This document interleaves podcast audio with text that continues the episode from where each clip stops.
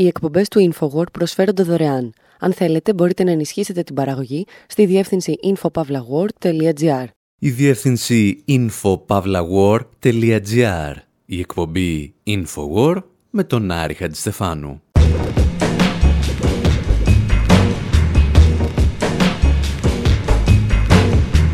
Όπου σήμερα μαζεύουμε θραύσματα της ιστορίας της Σοβιετικής Ένωσης και της Ουκρανίας παίζοντας μπάλα λίγο έξω από τον Ντονιέτσκ.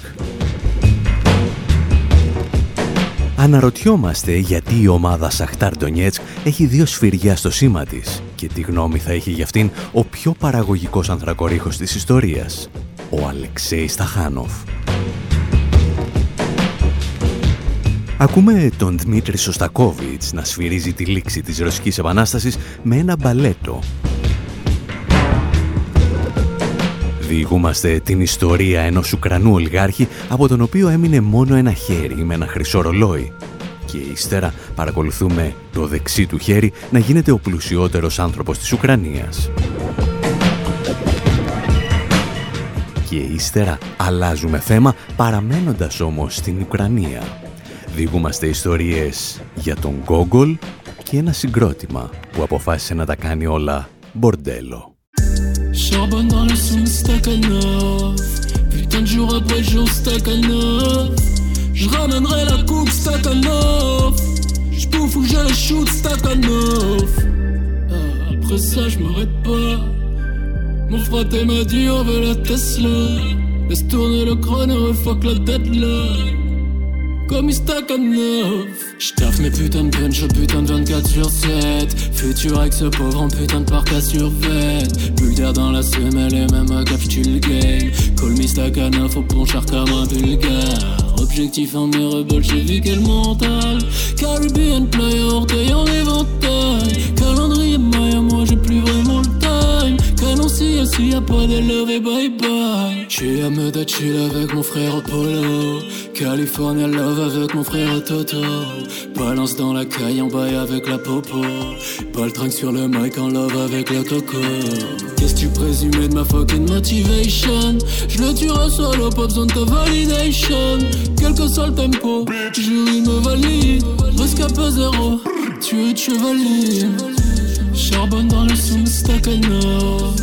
Putain de jour après jour Stakhanov. Je ramènerai la coupe Stakhanov.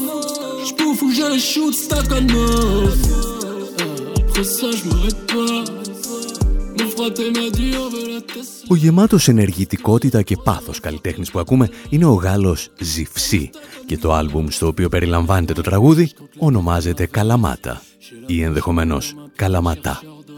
Πριν χαθούμε όμως σε άχρηστες λεπτομέρειες, ας συγκρατήσουμε ότι το τραγούδι λέγεται Σταχάνοφ, προς τιμήν του σοβιετικού ανθρακοριχού Αλεξέη Γκρικορίεβιτ Σταχάνοφ.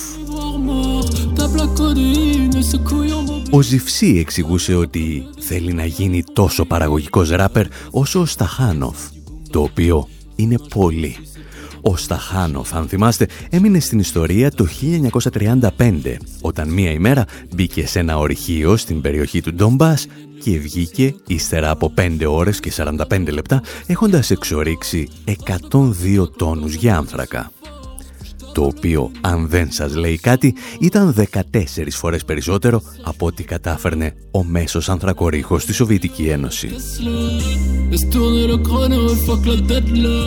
Η νέα τεχνική εξόριξη που χρησιμοποίησε ο Σταχάνοφ μεταλαμπαδεύτηκε αμέσως σε ολόκληρη τη χώρα, προσφέροντας τρομακτική αύξηση της παραγωγικότητας του παράγοντα εργασία.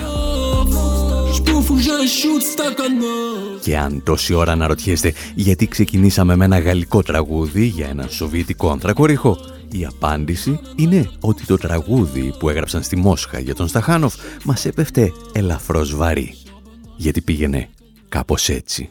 Прославил труд страну свою и время, В родной просторы звезданных дорог.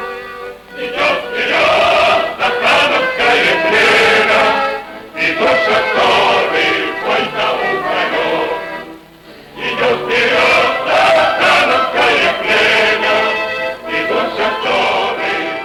Σύντομα, ο Σταχάνοφ απέκτησε χαρακτηριστικά θρύλου σε ολόκληρη τη Σοβιετική Ένωση και όχι μόνο. Το Δεκέμβριο της ίδιας χρονιάς η φωτογραφία του γινόταν πρωτοσέλιδο στο αμερικανικό περιοδικό Time. Σύντομα, γύρω από το όνομά του, δημιουργήθηκε το κίνημα των σταχανοβιτών, το οποίο στηριζόταν σε νέες μεθόδους οργάνωσης της εργασίας για να πετυχαίνει όλο και μεγαλύτερα ρεκόρ παραγωγικότητας. Και ίσως σε μία άλλη εκπομπή να εξηγήσουμε γιατί αυτό ήταν αποτελεσματικό και ταυτόχρονα τραγικό. Σήμερα πάντως μας ενδιαφέρει ότι για να τιμήσει το έργο του η τοπική ομάδα ποδοσφαίρου του Ντονιέτσκ πήρε αρχικά το όνομα Σταχανοβίτες και σαν σήμα είχε δύο σφυριά που διασταυρώνονταν. Ήταν η ίδια ομάδα που στις 9 Απριλίου του 2022 έπαιξε με το όνομα Σαχτάρ Ντονιέτσκ, ένα φιλικό με τον Ολυμπιακό. Και τα έσοδα διατέθηκαν για τις ανάγκες του Ουκρανικού λαού, εκτός από το ειστήριο του Άδων Γεωργιάδη που πήγε με πρόσκληση. Το θέμα όμως που μας απασχολεί σήμερα είναι ότι από το 1936 που ιδρύθηκε μέχρι σήμερα η ιστορία της Σαχτάρ Ντονιέτσκ παρουσιάζει τρομακτικές ομοιότητες με την ιστορία της Ουκρανίας. Και όλα ξεκινάνε με μία μπάλα που κυλάει στη Σοβιετική Ένωση και σταματάει με τη σφυρίχτρα ενός διαιτητή που άκουγε στο όνομα Δμήτρη Σωστακόβιτς.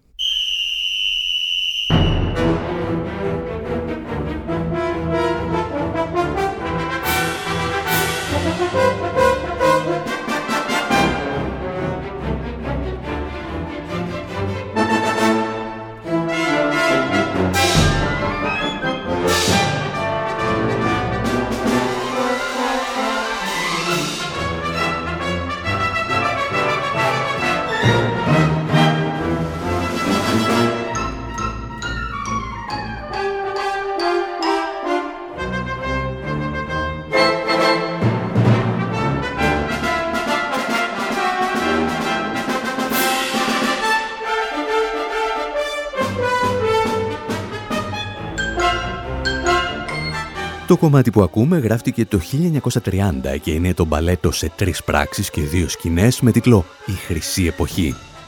Το έγραψε ένας άνθρωπος που διέθετε επαγγελματική άδεια διαιτητή ποδοσφαίρου, ο οποίος όμως τύχαινε να είναι και ο σημαντικότερος συνθέτης της Σοβιετικής Ένωσης, ο Σωστακόβιτς.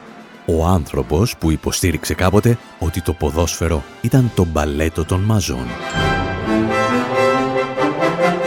Το έργο είναι σατυρικό και η υπόθεση είναι επίοικο σουρεαλιστική. Μια σοβιετική ομάδα ποδοσφαίρου ταξιδεύει σε μια πόλη της Δύσης όπου έρχεται αντιμέτωπη με όλα τα παρακμιακά στοιχεία του καπιταλισμού. Ομάδες φασιστών, ντίβες και πράκτορες. Οι κακοί αστεί φυλακίζουν τους σοβιετικούς παίκτες, αλλά η εργατική τάξη της δυτικής χώρας επαναστατεί και τους απελευθερώνει. Και στο τέλος οι ποδοσφαιριστές χορεύουν αγκαλιά με τους επαναστατημένους εργάτες και όλοι είναι ευτυχισμένοι. Όλοι εκτός από τον Σωστακόβιτς, το έργο του οποίου λογοκρίθηκε ύστερα από 18 παραστάσεις γιατί εμπεριείχε, λέει, έντονες επιρροές από την κουλτούρα της Δυτικής Ευρώπης. Η χρυσή εποχή του Σωστακόβιτς πάντως θα καταφέρει να προβλέψει την χρυσή εποχή του Σοβιετικού ποδοσφαίρου, το οποίο θα ακμάσει μερικές δεκαετίες αργότερα. Και σε σημαντικό βαθμό το οφείλει και στην παρουσία Ουκρανών ποδοσφαιριστών από ομάδες όπως η Σαχτάρ Ντονιέτσκ και η Δυναμό Κιέβου. Μέχρι τη δεκαετία του 70 οι λεγόμενοι ανθρακορίχοι της Αχτάρ φιγουράρουν πλέον στις τρεις πρώτες θέσεις του Σοβιετικού πρωταθλήματος, γεγονός που τους έδινε το δικαίωμα να κατεβαίνουν και σε ευρωπαϊκές διοργανώσεις. Με τη διάλυση όμως της Σοβιετικής Ένωσης η διαδρομή της ομάδας άρχισε να περνά από πολύ πιο σκοτεινά μονοπάτια. Τα εξηγούσαν οι συντελεστές της σειράς mini ντοκιμαντέρ Tifo Football. After the collapse of the Soviet Union, Ukraine followed much the same path as Russia when it came to business. Oligarchs rose to power and wealth, with one in particular taking charge of the vast mineral wealth in the east of the country. Με την κατάρρευση της Σοβιετικής Ένωσης, η Ουκρανία ακολούθησε τον ίδιο δρόμο με τη Ρωσία. Οι ολιγάρχες απέκτησαν εξουσία και πλούτο, και ένας από αυτούς απέκτησε τον έλεγχο των τεράστιων κοιτασμάτων ορεικτών της Ανατολικής Ουκρανίας.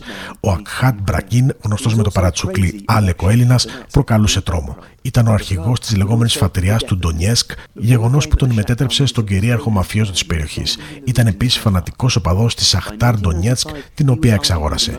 Η συγκεκριμένη ομάδα όμως θα τον οδηγούσε στο θάνατο. Λίγο πριν από έναν αγώνα στο τοπικό γήπεδο, εξεράγει μια βόμβα που σκότωσε τον ίδιο και πέντε από τους οπτοφυλακέ του. Η έκρηξη ήταν τόσο ισχυρή, ώστε δεν απέμεινε τίποτα από τον Άλεκ τον Έλληνα. Το μοναδικό στοιχείο που βοήθησε στην αναγνώρισή του από την αστυνομία ήταν ένα χρυσό ρολόι που βρέθηκε πάνω στο κομμένο χέρι του. He was identified by the only thing the police could find, a gold watch still attached to a severed arm. Δίπλα στον Μπραγκίν την ώρα της έκρηξης θα έπρεπε να βρίσκεται και ένας άλλος κύριος, ο στενός συνεργάτης του Ρινάτ Αχμέτοφ. Αλλά κάτι του έτυχε. Ας πούμε, είχε λίγο παραπάνω κίνηση στο δρόμο για το γήπεδο. Still, Rina Akhmetov was a young protege, and it was he who ended up acquiring much of his vast business empire, as well as Shakhtar Donetsk. Ο Ρινάτ Αχμετόφ ήταν ο προστατευόμενος του Μπραγκίνη και κατέληξε να κληρονομήσει την τεράστια αυτοκρατορία του μαζί με τη Σαχτάρ Ντονιάτσκ. Ο Αχμετόφ διατήρησε τον έλεγχο των ορυχείων, αλλά διεύρυνε τις επιχειρήσεις του στο real estate και τα μέσα ενημέρωσης. Έκτισε το νέο γήπεδο του Ντονιέτσκ και ασχολήθηκε ενεργά με την πολιτική. Χρηματοδότησε το φιλορωσικό κόμμα των περιφερειών και προσέφερε τα χρήματα που χρειαζόταν ο Γιανουκόβιτ για να αναρριχθεί στην Προεδρία. Back then, Ukraine was, like much of the post Soviet world, a wild east where corruption, η Ουκρανία, όπως και όλες οι μετασοβιετικές χώρες, είχε μετατραπεί σε μια άγρια δύση της Ανατολής. Η διαφθορά, η βία, το οργανωμένο έγκλημα και η ελεύθερη αγορά επέτρεψαν σε ορισμένους να χτίσουν τεράστιες περιουσίες εκμεταλλευόμενοι την αναρχία. Συγκέντρωναν το φυσικό πλούτο και ιδιωτικοποιούσαν δημόσια περιουσία για ένα κομμάτι ψωμί. Όπως ο Ρωμάν Αμπράμοβιτς στη Ρωσία, έτσι και ο Ρινάτα Αχμετόφ βρέθηκε στο σωστό μέρος της σωστή στιγμή για να εκμεταλλευτεί την κατάσταση right place at the right time to capitalize. Η Ουκρανία είχε αποκτήσει πλέον τη δική της τάξη των ολιγαρχών, όπως η Ρωσία ή οι Ηνωμένες Πολιτείες. Σε ό,τι αφορά όμως το ποδόσφαιρο, ήταν αυτή που έδινε τα φώτα της προς τη Μόσχα. Αυτή τη φορά δεν της έστελνε τις καινοτόμες τεχνικές εξόρισης του Σταχάνοφ, αλλά τη διαπλοκή του ποδοσφαίρου με επιχειρηματίες και πολιτικούς. Όπως έγραφε παλαιότερα ο Καρλ Βέθ, καθηγητής ιστορίας στο King's College του Πανεπιστημίου του Λονδίνου, αυτού του είδους η μπερλουσκονοποίηση του ποδοσφαίρου πέρασε από την Ουκρανία προς τη Ρωσία και όχι το αντίστροφο.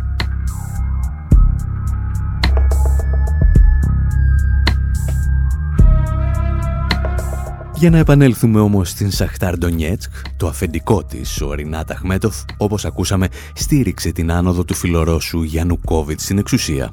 Για να μην μπερδεύεστε, ο Αχμέτοφ είναι ο ίδιος άνθρωπος που σήμερα αποκαλεί τον Πούτιν εγκληματία. Και σε αυτό τυχαίνει βέβαια να έχει δίκιο, αλλά είναι περίεργο να το ακούς από τον πάλε ποτέ πιο φιλορώσο ολιγάρχη της Ουκρανίας. Ο Αχμέτοφ λοιπόν θα επεκτείνει την αυτοκρατορία του από τον Ντονιέτσκ προς το Κίεβο. Δυστυχώς όμως οι παίκτες της ομάδας του θα αναγκαστούν να ακολουθήσουν την ίδια διαδρομή, αλλά σαν πρόσφυγες του ποδοσφαίρου. Το 2014 το γήπεδό του στο Ντονιέτσκ βομβαρδίζεται κατά τη διάρκεια των συγκρούσεων του Ουκρανικού στρατού με τις φιλορωσικές δυνάμεις. Η ομάδα μεταφέρεται αρχικά στην πόλη του Λβίβ, αργότερα στο Χάρκοβο και καταλήγει στο Κίεβο και εκεί η υποδοχή δεν είναι και τόσο θερμή.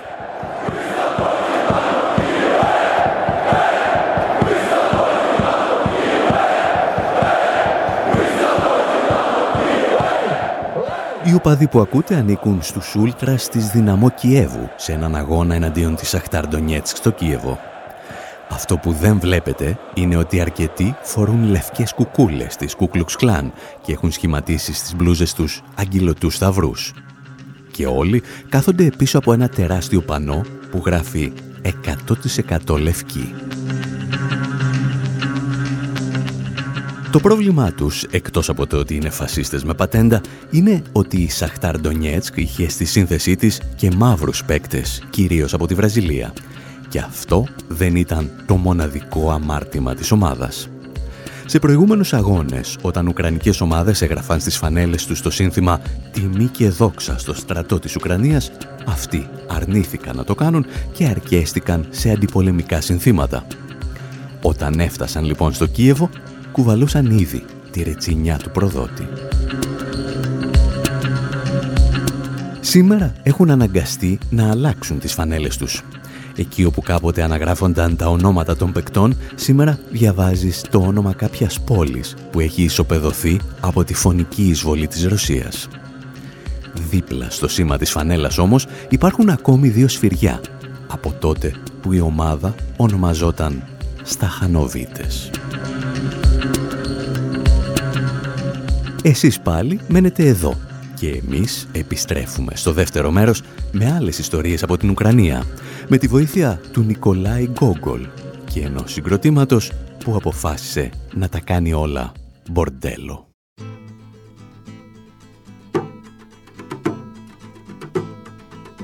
There is a war between the rich and poor, a war between the man and the woman. There is a war between the ones who say there is a war and the ones who say that there isn't. Why don't you come on back to the war? That's right, get in it. Why don't you come on back to the war? It's just beginning. Well, I live here with a woman and a child. The situation makes me kind of nervous. As I rise up from her arms, she says, I guess you call this love, I call it service. Why don't you come on back to the war? Don't be a tourist. Why don't you come on back to the war before it hurts us? Why don't you come on back to the war? Let's all get nervous. Cannot stand what I become. You much prefer the gentleman I was before. I was so easy to defeat, I was so easy to control. I didn't even know there was a war. Why don't you come on back to the war? Don't be embarrassed. Why don't you come on back to the war? You still get married. There is a war between the rich and poor, a war between the man and the woman. There is a war between the left and right, a war between the black and white, a war between the odd and the even. Why don't you come on back to the war? Take up your tiny burden. Why don't you come on back to the war? Let's all get even. Why don't you come on back to the war?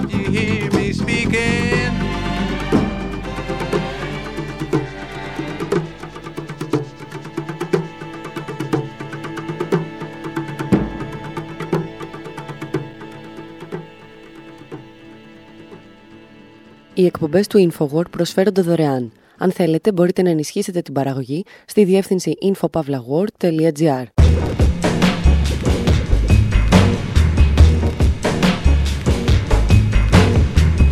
Η εκπομπή InfoWord με τον Άρη Χατζηστεφάνου όπου με αφορμή μια συναυλία που έδωσαν οι Google Bordello στη Νέα Υόρκη μαζί με την Patti Smith, εμείς θυμόμαστε ποιος ήταν ο Γκόγκολ και πώς φτάσαμε όλα να γίνουν μπορτέλο. Ταξιδεύουμε από την τσαρική Ρωσία μέχρι την Ουκρανία του Τσερνομπίλ και ύστερα παρακολουθούμε ένα συγκρότημα προσφύγων να πίνει κοκακόλα. We will stand together for freedom. None will take our home Душой телом и положим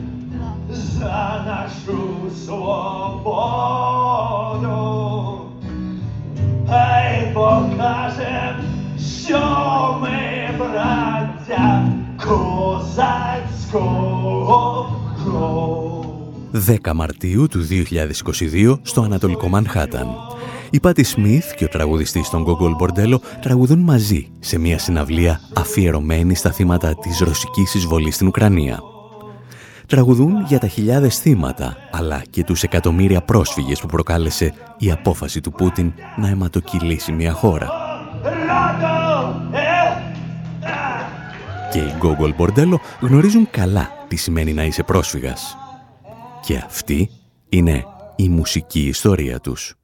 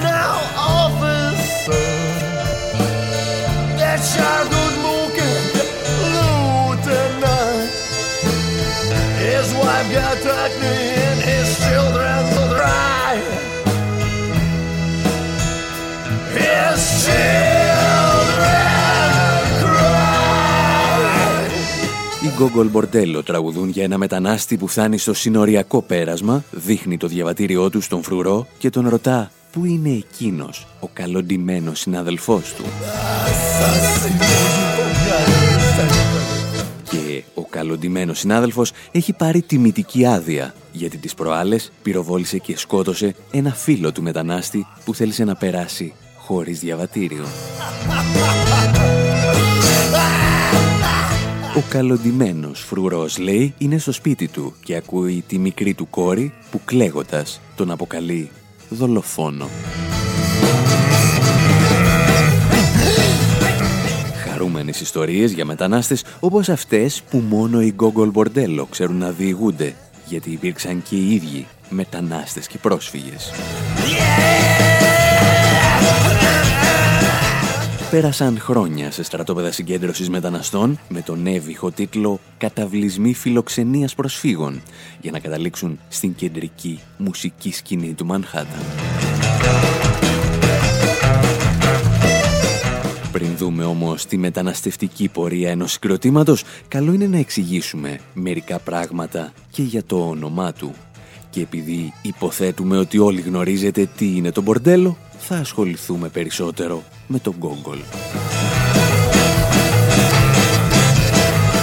Το οποίο Γκόγκολ προέρχεται προφανώς από το μεγάλο Ρώσο συγγραφέα Νικολάη Γκόγκολ, ένα από τα ιερά τέρατα της ρωσικής ρεαλιστικής σχολής και έναν από τους ανθρώπους που έφτασαν τις σύντομες ιστορίες σε τέτοια επίπεδα τελειότητας που μόνο ένας Πούσκιν ή ένας Αντγκαρά Λαμπόε έχουν καταφέρει.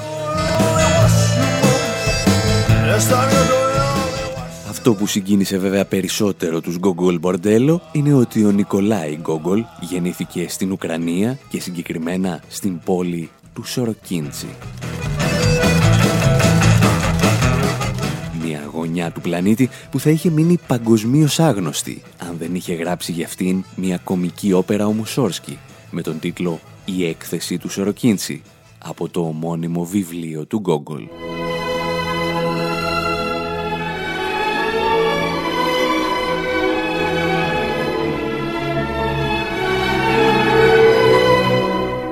Η μόνη πληροφορία πάντως που ίσως μας χρειαστεί στη σημερινή εκπομπή για τον Γκόγκολ είναι ότι ενώ εμφανιζόταν να καυτηριάζει στο έργο του την παρακμή της ρωσικής αυτοκρατορίας, δεν είχε και ιδιαίτερα προβλήματα να συνεργάζεται με τον Τσάρο. Το έργο του «Ο επιθεωρητής» λόγου χάρη υποτίθεται ότι σατυρίζει την εκτεταμένη διαφθορά της ρωσικής αυτοκρατορίας, μια αγροθιά στο πολιτικό, οικονομικό και θρησκευτικό κατεστημένο.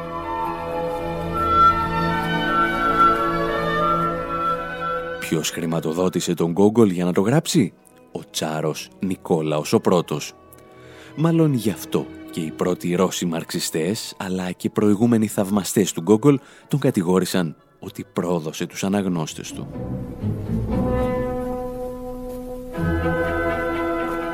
Γεγονός που μας φέρνει πίσω στους Γκόγκολ Μπορντέλο. Ιστορίες για να διηγηθούμε ύστερα από ένα μικρό διάλειμμα.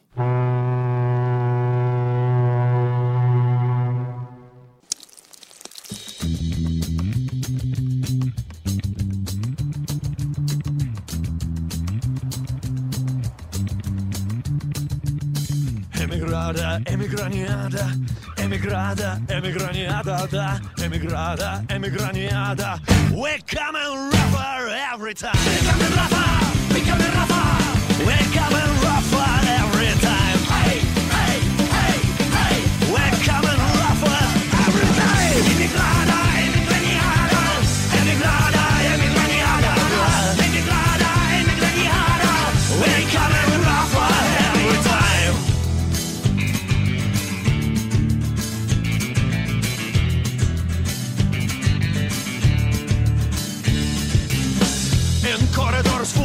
Gas, our destinies jammed every day, like deleted scenes from Kafka. Flash down the bureaucratic train. But if you give me the invitation to hear the bells of freedom chime, to hell with your double standard. We're coming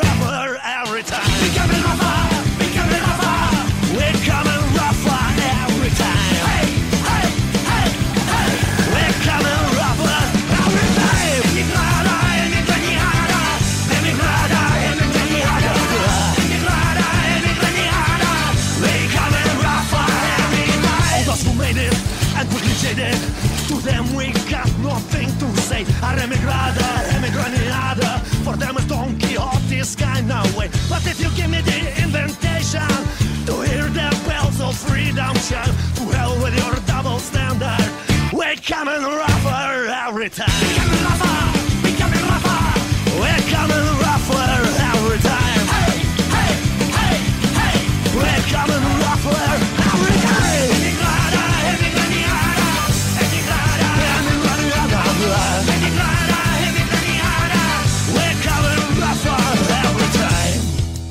Emigrada, emigraniada. We're coming rougher every time. Στην εκπομπή Infowar με τον Άρη Χατζηστεφάνου ακούμε τους Google Bordello να τραγουδούν για ένα από τα αγαπημένα τους θέματα, τη μετανάστευση.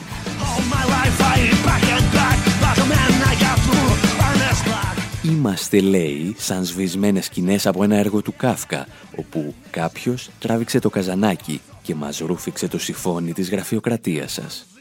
Να ξέρετε όμως ότι αν μας καλέσετε να ακούμε τις καμπάνες της ελευθερίας θα στείλουμε στο διάολο τα δύο μέτρα και τα δύο σταθμά που χρησιμοποιείται εναντίον μας. Ο Ευγένιος Χιούτζ, ο τραγουδιστής των Google Bordello, έχει κάθε δικαίωμα να χρησιμοποιεί βαριές κουβέντες σαν και αυτές, γιατί είναι και ο ίδιος πρόσφυγας.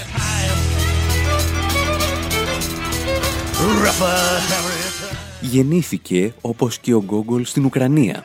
Δεν είχε όμως την ευκαιρία να συναγελάζεται με τον Τσάρο. Είχε την τύχη να είναι γιος ενός χασάπι που έπαιζε κιθάρα στην πρώτη ροκ μπάντα της Ουκρανίας. Η οικογένειά του που είχε τσιγκάνικες ρίζες όταν μία μέρα του 1986 άκουσε στις ειδήσεις ότι ο πυρηνικός σταθμός του Τσερνομπίλ εξεράγει και άρχισε να λιώνει, δεν είχε την παραμικρή αμφιβολία για το τι θα έπρεπε να κάνει. Μάζεψαν για άλλη μια φορά τα μπογαλάκια τους και την έκαναν. Ο Χιούτς πέρασε τα επόμενα έξι χρόνια της ζωής του σε καταβλισμούς προσφύγων στην Ανατολική Ευρώπη για να φτάσει τελικά ως πολιτικός πρόσφυγας στο Βερμόν των Ηνωμένων Πολιτειών το 1992.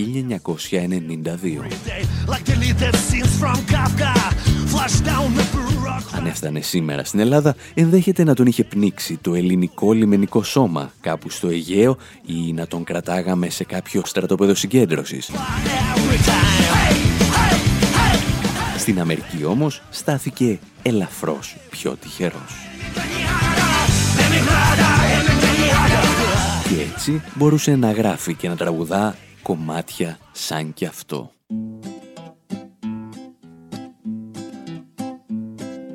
Start wearing purple, wearing purple. Start wearing purple for me now. All your sanity and wits, they will all vanish, I promise. It's just a matter of time. So, yeah. Start wearing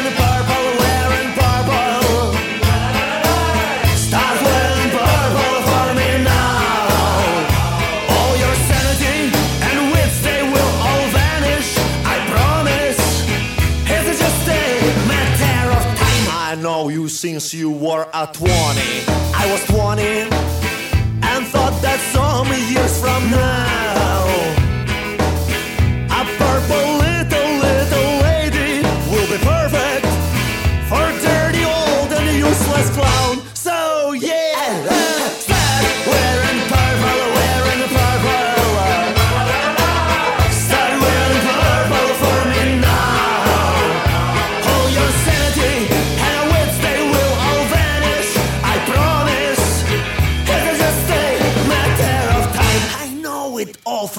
from Diogenes to the Foucault. From Ложечкин to паспорту. И я клянусь, обоссав два пальца, что ты, а? Что музыка пошла от звука в му. Start wearing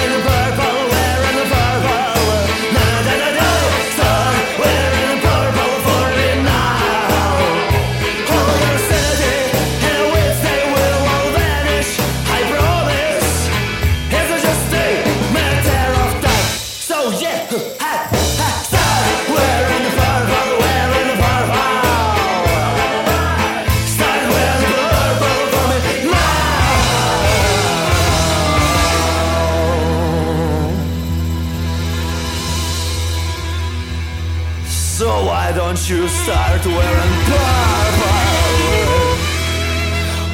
Why don't you start wearing purple?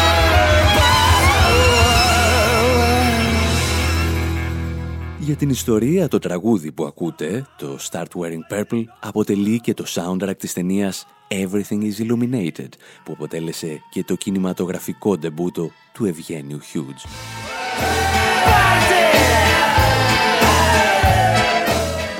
Και κάπου εκεί η δόξα αρχίζει να έχει μερικές μικρές παρενέργειες σε μια μπάντα πολιτικών προσφύγων. Η επόμενη ταινία στην οποία εμφανίζεται ο Χιούτζ και μάλιστα ως πρωταγωνιστής σκηνοθετείται από τη Μαντόνα. Το μόνο που δεν έχεις κάνει ακόμη, του λένε κάποιοι παλιοί θαυμαστές, είναι να αρχίζεις να γράφεις τραγούδια και για την Coca-Cola. Αλλά οι Google Bordello το έκαναν και αυτό.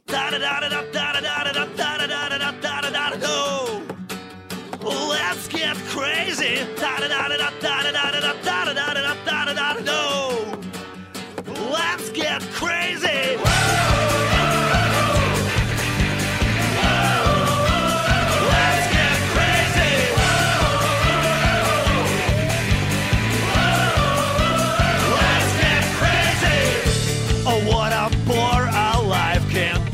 Η Coca-Cola θα χρησιμοποιήσει το Let's Get Crazy για το Ευρωπαϊκό Πρωτάθλημα Ποδοσφαίρου του 2012, το οποίο διεξήχθη εν μέρη και στην Ουκρανία.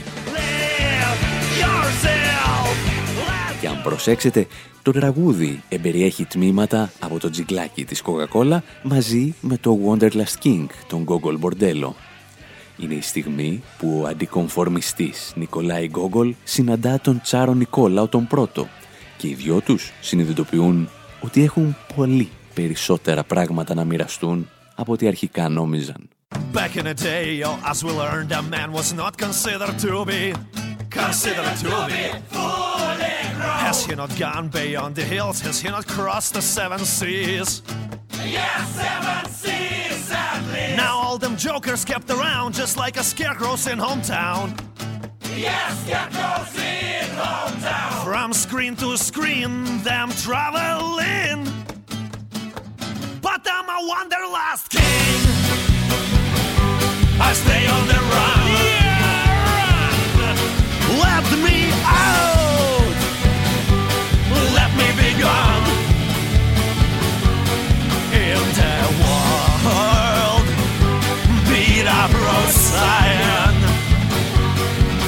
So new. History of a time.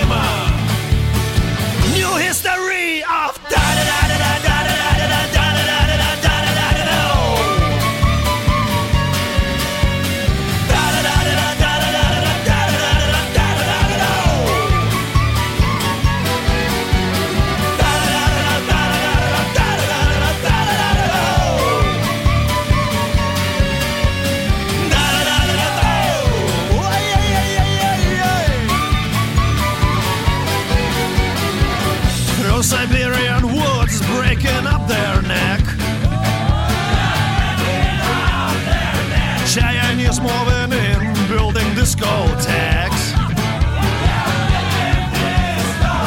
Trans-Siberian sex toys and what not. Yeah, why not?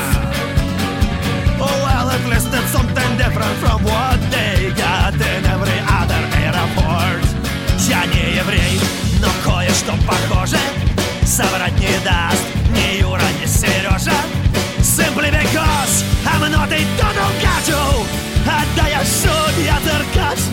Και ενώ η Coca-Cola τα βρίσκει με τους Google Bordello, οι ίδιοι έχουν μερικά προβληματάκια μεταξύ τους. Κάπου εκεί τον Αύγουστο του 2013 ο κιθαρίστας των Google Bordello καταθέτει μήνυση εναντίον του Ευγένιου Hughes. Τον κατηγορεί ότι σούφρωσε από το κοινό ταμείο μισό εκατομμύριο δολάρια με τα οποία τροφοδοτούσε σειρά επιχειρήσεων που είχε στο όνομά του. Και σαν να μην έφτανε αυτό, τον κατηγόρησε επίσης ότι έκανε μυστική συμφωνία με την Coca-Cola χωρίς ποτέ κανείς να μάθει ποιο ήταν τελικά το ποσό με το οποίο αμύφθηκε. Και ύστερα η μπάντα άρχισε να μπλέκει περίεργα και με την πολιτική με τρόπους μάλιστα που δημιούργησαν μερικούς εχθρούς στη μαμά Ρωσία. Ο Ευγένιος Χιούτζ χαιρέτησε τις ειρηνικές, όπως είπε, αντικυβερνητικές διαδηλώσεις στο Κίεβο που οδήγησαν στην ανατροπή του Γιαννουκόβιτς.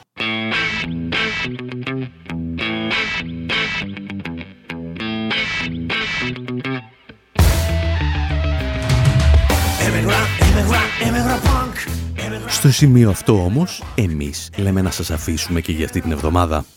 Από τον Άρη της στο μικρόφωνο και τον Δημήτρη Σαδόπουλο στην τεχνική επιμέλεια. Γεια σας και χαρά σας.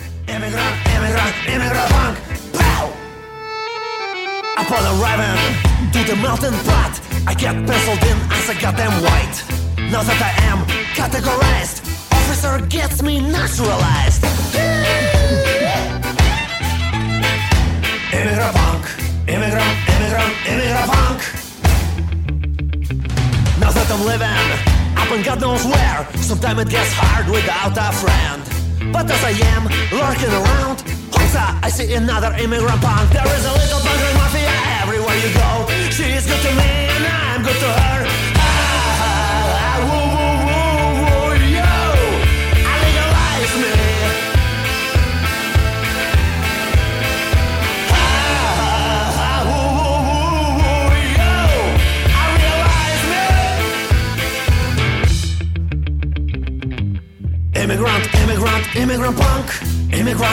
Immigrant, immigrant, punk. Immigrant, immigrant, immigrant punk. Despite the living in the USA, I'm still holding up in all my ways. I got a friends, we got a band, we still make sound. You can't stand without banging on some big old pot without getting out of bed. But I'm relaxed, I'm just lurking around. Hosa, I see another immigrant punk. There is a little punkers mafia everywhere you go. She is good to me